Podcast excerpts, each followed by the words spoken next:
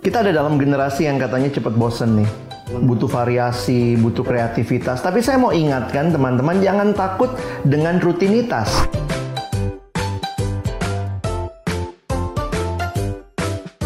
Di pertanyaan kedua ini, ada seorang penanya yang mengatakan bertanya, jika rajin bersaat teduh, lama kelamaan merasa seperti sebuah rutinitas dan merasa saat dan merasa sangat jenuh, bahkan terasa hambat. Bagaimana cara mengatasinya?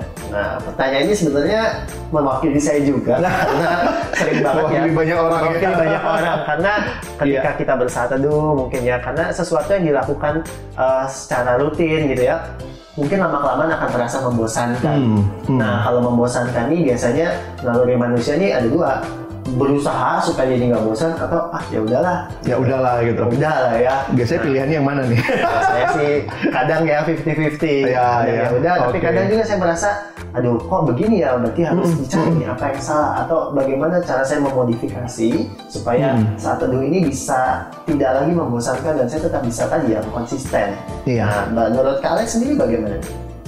Kita ada dalam generasi yang katanya cepat bosen nih. Butuh variasi, butuh kreativitas. Tapi saya mau ingatkan teman-teman jangan takut dengan rutinitas. Kenapa? Banyak hal yang kita lakukan dalam hidup tuh rutin kok. Makan rutin nggak? Rutin? Napas?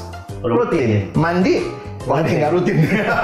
Tapi hal-hal yang rutin itu jangan kita takut dengan hal-hal yang rutin. Tetapi seperti yang Ari bilang tadi, bagaimana kita memaknainya? Jadi kalau kita sudah melakukan saat teduh dengan rutin, saya pikir jangan disesali, itu satu hal yang baik.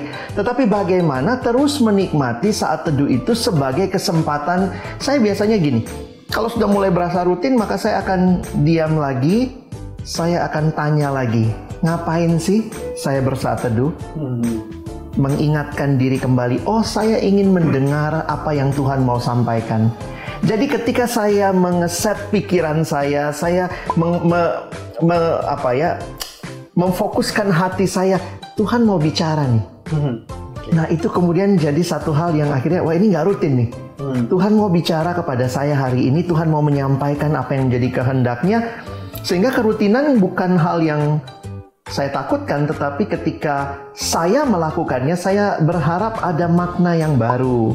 Seringkali memang kalau mungkin juga karena ya generasi yang suka bosan ini, mungkin ada beberapa cara yang lain yang bisa dilakukan. Misalnya secara kreatif, kita membuat saat teduh kita jadi tidak membosankan. Saya jujur aja kalau eh, biasanya membaca kalau saya saya biasanya pakai Our Daily Bread ya.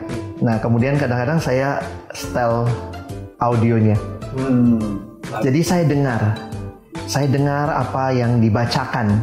Karena kadang-kadang membaca aja, nah saya selang-seling tuh. Saya baca, tapi saya mendengar. Kadang-kadang saya setel ada Alkitab audio, saya play, dan itu memberikan beberapa kali memberikan kesegaran gitu, cara-cara yang baru. Tetapi sebenarnya yang paling penting kita sadar dulu nih. Saya datang karena saya ingin mendengar Tuhan berbicara. Iya. Berarti untuk eh, bagaimana supaya kita bisa nggak bosan, mungkin bisa juga memodifikasi nuansanya ya. Boleh, kalau boleh. tadi baca gitu ya kan, nggak ada salahnya juga untuk coba didengar ya kan. Iya. Ada audio Bible mungkin, ada juga bahan-bahan renungan yang apa sekarang Iya. bisa didengar ya. Itu.